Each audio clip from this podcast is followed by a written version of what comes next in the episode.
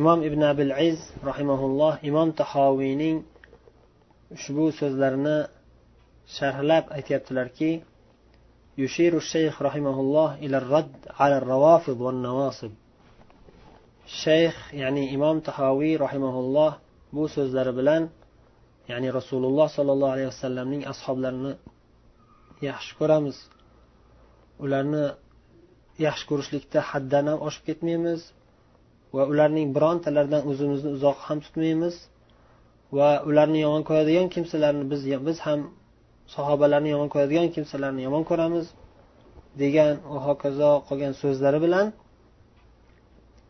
rofizalarga va nosibalarga rad berib o'tyaptilar. Rofizalar o'zlarini shiyamiz deb davo qilishadigan islom dinidan uzoq adashishlikda adashib ketgan toifalar nosibalar ya'ni havorijlar ali roziyallohu anhu va boshqa bir qancha sahobiylarni kofirlikda ayblab adashib ketgan toifa ularga qarshi chiqqan qurol ko'tarib musulmonlarga qarshi urushgan toifa havorijlar وقد أثنى الله تعالى على الصحابة هو ورسوله رضي الله عنه ورضي عنهم ووعدهم الحسنى الله عز وجل o'zi va u zotning rasuli sahobalarga iliq so'zlarni aytib maqtagan va ulardan rozi bo'lgan alloh azza va jalla sahobiylardan rozi bo'lganini o'zi xabar bergan va sahobiy ikromlarga juda ham buyuk go'zal ajru mukofotlarni va'da qilgan كما قال تعالى والسابقون الأولون من المهاجرين والأنصار والذين اتبعوهم بإحسان رضي الله عنهم ورضوا عنه الآية توبة سورة 100 oyatida alloh azza va jalla xabar bergan muhojiru ansorlarning birinchi peshqadamlari va ularga chiroyli amallar bilan ergashgan zotlar alloh ulardan rozi bo'ldi va ular ham u zotdan rozi bo'ldilar alloh taolo ular uchun ostidan daryolar oqib turadigan ular abadiy qoladigan jannatlarni tayyorlab qo'ydi mana shu buyuk yutuq saodatdir yana alloh azza va jalla aytadiki muhammadur rasululloh والذين معه أشداء على الكفار رحماء بينهم تراهم ركعا سجدا الآية fath surasining oxirgi oyati. Muhammad rasululloh allohning rasulidir. U zot bilan birga bo'lganlar ya'ni sahobiy ikromlar kofirlarga qattiq qo'l o'zlarining orasida musulmonlar orasida rahm shafqatlidirlar. Ularni ruku qilgan sajda qilgan holatlarda ko'rasiz deb oyatni oxirigacha alloh subhanava taolo sahobiy ikromlarni maqtagan. va bu oyatlardan boshqa juda ham ko'p oyatlar bor barchasida alloh azza va jalla muhojir va ansorlarni ko'p maqtagan ana shu oyatlarni zikr qilib bo'lganlaridan keyin imom ibn abil iz rahimaulloh aytyaptilarki وهذه الآيات تتضمن الثناء على المهاجرين والأنصار وعلى الذين جاءوا من بعدهم يستغفرون لهم ويسألون الله أن لا يجعل في قلوبهم غلا mana shu oyati karimalarda muhojir va ansorlarga sano maqtovlar bor va jumladan ulardan keyin kelib ularni haqlariga istig'for aytadigan mo'min musulmonlarga ham maqtov bor haqiqiy mo'min musulmonlar o'zlarining qalblarida sahobiylarga nisbatan zarracha ham g'illu g'ashlik bo'lmasligini duo qilib so'rashliklarini alloh xabar bergan. Hashr surasida. Keyin imom ibn abil iz rahimaulloh bir necha oyatlarni zikr qilganlaridan keyin sahobiylarni maqtalgan hadis shariflardan ham bir nechasini zikr qilishga o'tadilar.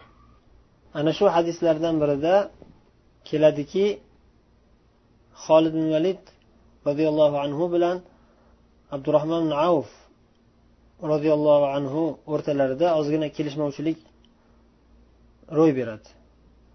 Shunda xolid ibn valid abdurahmon ibn avfga qattiq gapirib qo'yadilar.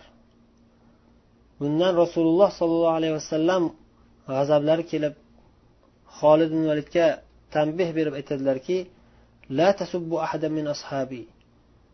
mening sahobalarimdan hech qaysi birlarini haqorat qilmanglar فإن أحدكم لو أنفق مثل أحد ذهبا ما أدرك مد أحدهم ولا نصيفه chunki sizlarni ichingizdan qaysi biringiz bo'lsangiz ham agar uhud tog'ichalik tillolarni xayr ehson qilib yuborsa ham mening sahobalarimning bir hovuch hatto yarim hovuch sadaqalariga yetolmaydi dedilar ya'ni فالنبي صلى الله عليه وسلم يقول لخالد ونحوه لا تسبوا أصحابه يعني عبد الرحمن وأمثاله لأن عبد الرحمن ونحوه هم السابقون الأولون وهم الذين أسلموا من قبل الفتح وقاتلوا payg'ambarimiz sollallohu alayhi vasallam bu so'zlarini xolid va xolidga o'xshagan kechroq islom kirgan sahobiylarga qarata aytyaptilar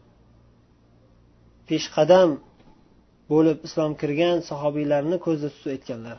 Birinchi o'rinda ya'ni qolgan sahobiylar ham kiradilar lekin birinchi o'rinda eng avvalo eng avval islom kirgan va islomda juda ham ko'p xizmatlarni qilgan rasululloh sollallohu alayhi vasallamning yonlarida juda ham ko'p birga bo'lib barcha g'azovatlarda qatnashgan sahobiylarni ko'zda tutganlar. Abdurahmon avfga o'xshash ya'ni o'nta jannatga bashorat berilgan sahobiylar va hokazo as avvalun oyatda zikr qilingandek. Peshqadam sahobiylarni va ulamolar aytishadiki o'sha oyati karimada peshqadam sahobiylar deb maqtalgan oyati karimada ko'zda tutilgan sahobiylar fath makkadan oldin islom kirib payg'ambarimiz bilan birga jihod qilgan sahobiylar ko'zda tutilgan. Bayati rizvonda qatnashgan sahobiylar sonlari bir ming to'rt yuzdan ko'p bo'lgan. Ana shu sahobiylar boshqa sahobiylarga nisbatan peshqadam sahobiylar hisoblangan va eng afzal sahobiylar ularning barchalaridan olloh o'zi rozi bo'lganligini oyat nozil qilib xabar bergan. Yana bir rivoyatda keladiki oysha roziyallohu anhoga ba'zi bir tobeinlar aytishdiki ey umul mo'minin ba'zi bir odamlar rasululloh sollallohu alayhi vasallamning ashoblarini yomonlashyapti. Hatto abu bakr umarni ham tanqid qilishyapti. Deb arz qilishadi. Shunda oysha roziyallohu anhu aytadilarki nimaga hayron bo'lasizlar nimaga taajjubga tushasizlar bu narsadan? Alloh taolo u zotlarni qattiq yaxshi ko'rganligidan ular o'lib amallari to'xtab qolsa ham ajru savoblari to'xtashligini olloh xohlamadi. Ularga ularga ajru savoblar to'xtamasdan borib turishini olloh yaxshi ko'rganligi uchun mana shunday o'ziga o'zi gunoh orttirib sahobiylarni yomonlab sahobiylarni savoblarini ko'paytiradigan odamlarni chiqarib qo'yadi degan ma'noda xabar berdilar oyisha roziyallohu anhu yana ibn abbos roziyallohu anhudan ham rivoyat keladiki u kishi aytadilarki la tasubbu ashabi muhammadin sollallohu alayhi vasallam. وسلم فلمقام أحدهم ساعة مع النبي صلى الله عليه وسلم خير من عمل أحدكم أربعين سنة muhammad sollallohu alayhi vasallamning ashoblarini haqorat qilmanglar darhaqiqat ularning payg'ambarimiz muhammad sollallohu alayhi vasallam bilan birga bo'lgan bir lahzalari sizlarning biringiz qirq yil bajaradigan amalidan ham afzal qirq yil ibodat qilib o'tsa ham sahobiy ikromlardan birlarini payg'ambarimiz sollallohu alayhi vasallam bilan birga bo'lgan bir lahzalariga yetmaydi. Yana bir rivoyatda min ibadati ahadikum umra. Sizlarni biringiz ya'ni sahobiylardan boshqa odamlar butun umrini ibodat bilan o'tkazsa ham sahobiylarni darajasiga yetolmaydi dedilar. Yana ibn masud roziyallohu anhudan ham rivoyat keladiki إن الله نظر في قلوب العباد فوجد قلب محمد خير قلوب العباد فاصطفاه لنفسه الله عز وجل o'zining bandalari butun insoniyat qalbiga qalblariga qaradi xos qarash bilan qaradiki ularning ichidan eng yaxshi afzal qalb sohibi muhammad sollallohu alayhi vasallamning qalbi ekanligini o'zi tanlab oldi alloh o'zi uchun muhammad sollallohu alayhi vasallamni halil o'zining halili qilib tanlab oldi o'zining risolati bilan payg'ambar qilib yubordi ثم نظر في قلوب العباد بعد قلب محمد صلى الله عليه وسلم فوجد قلوب أصحابه خير قلوب العباد undan keyin alloh azza va jalla yana o'zining bandalarining qalblariga nazar tashlab ya'ni muhammad sollallohu alayhi vasallamning qalblariga nazar tashlab ixtiyor qilgandan keyin qaytadan yana qolgan barcha insoniyat qalbiga nazar tashlab ularning ichidan muhammad sollallohu alayhi vasallamning ashoblarining qalblari eng afzal qalb ekanligini tanlab oldi. va shuning uchun ham ularni o'zining payg'ambarining vazirlari qilib qo'ydi yuqotiluna ala dini allohning dinini himoyasi uchun rasululloh sollallohu alayhi vasallam bilan birga jang qilishdilar jihod qildilar ila oxiri maqola roziyallohu anhu keyin yana imom ibn abil iz rahimaulloh aytyaptilar فمن أضل ممن يكون في قلبه غل على خيار المؤمنين mo'minlarni butun islom ummatini butun iymon ahlini eng yaxshilari bo'lgan zotlarga nisbatan sahobiy ikromlarga nisbatan qalbida g'ilg'ash bo'lib ularni yomon ko'radigan kimsalardan ham ko'ra adashganroq odam kim bo'lishi mumkin boshqa? Eng ashaddiy adashgan odamlar mana shular bo'ladi. Qanday qilib ollohning avliyolari do'stlari ichidagi eng afzal sayyidlarga eng afzal zotlarga payg'ambarlardan keyingi darajada turadigan eng ulug' insonlarga g'ilg'ashgina kudurat ko'tarib yuradigan odam bo'lishi mumkin. Qanday qilib bunday jinoyatga qalbi botinadi? Eng ashaddiy adashgan odam bo'ladi bunday kimsalar. Bunday insonlardan hatto yahudu nasorolar bir xislati bilan afzal bo'lib qolyaptiku dedilar chunki yahudiylarga aytilganda sizlarni ummatingiz ichida eng yaxshilar kimlar desa muso alayhissalom muso payg'ambarning ashoblari deyishgan. Nasorolarga ham shu savol berilib sizlarni ummatingiz ichida eng yaxshilari kimlar deyilsa ular ham iso alayhissalom iso payg'ambarni sahobalari deyishgan. Ammo bizning ichimizga kirib olib o'zi islomning ashaddiy dushmani bo'lib turib musulmonlikni davo qilgan rofizalarga kelib sizlarni ummatingiz ya'ni islom ummati ichida eng yomoni kim desa muhammadni ashoblari deydi. Audu billah. Naudu billah. Billah.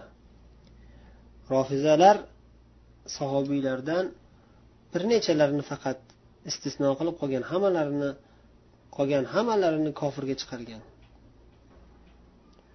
Keyingi nuqtada imom tahoviy aytdilarki ularni sevishlikda ularni yaxshi ko'rishlikda haddan oshmaymiz. Ba'zi bir sahobiylarni tanlab olib shiyalar rofizalar haddan oshib ketganday. Rofizalar ali roziyallohu anhuni va u kishining avlodlarini yaxshi ko'rib haddan oshib ketishgan. Boshqa sahobiylarni kofirga chiqarib yuborib bitta ali roziyallohu anhu va ali roziyallohu anhuni ba'zi bir yaqinlarini istisno qilib turib o'shalarni tanlab turib o'shalarni yaxshi ko'ramiz deb turib ularni haddan oshirib ko'tarib ularni allohga shirk qilib yuborishgan. Keyingi nuqtada aytdilarki ularning hech qaysi birlaridan o'zimizni uzoq tutmaymiz. Xuddi yana rofizalarga raddiya bo'lyapti bu ham. Chunki ularning bir e'tiqodi bor. La vala illa bibaro deydi. Uzoqligingni e'lon qilmasang adovatingni e'lon qilmasang do'stligingni e'lon qilmagan bo'lasan deydi.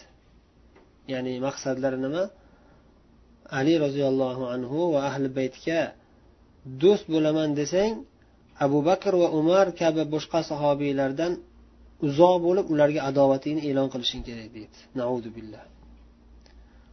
Biz ahli sunna val jamoa esa barcha sahobiy ikromlarni alloh uchun yaxshi ko'ramiz iymonlari uchun yaxshi ko'ramiz. Rasululloh sollallohu alayhi vasallamga iymon keltirib u kishini yonlarida turib jihod qilib rasululloh sollallohu alayhi vasallamni himoya qilib islom diniga xizmat qilganliklari uchun yaxshi ko'ramiz. Alloh ulardan rozi bo'lganligi uchun biz ham ularni yaxshi ko'ramiz ulardan rozi bo'lamiz. Lekin haddan oshmaymiz. Alloh taolo bayon qilgan manzilalariga ko'taramiz undan ortig'i ko'tarmaymiz. Adolat va insof bilan yaxshi ko'ramiz. Havoyi nafsimizga ergashgan holimizda ba'zilarini yaxshi ko'rib ba'zilarini yomon ko'rmaymiz aslo. Bu narsa haddan oshish hisoblanadi. Xohlaganini yaxshi ko'rib xohlaganini yomon ko'rib o'zining shaxsiy g'arazlarini aralashtirsa u haddan oshib adashib zalolatga ketgan bo'ladi. Keyin imom tahoviy yana aytdilarki sahobiy ikromlarni yaxshi ko'rishlik dindir iymondir ehsondir. Ibn abil iz rahimalloh sharhlab aytyaptilarki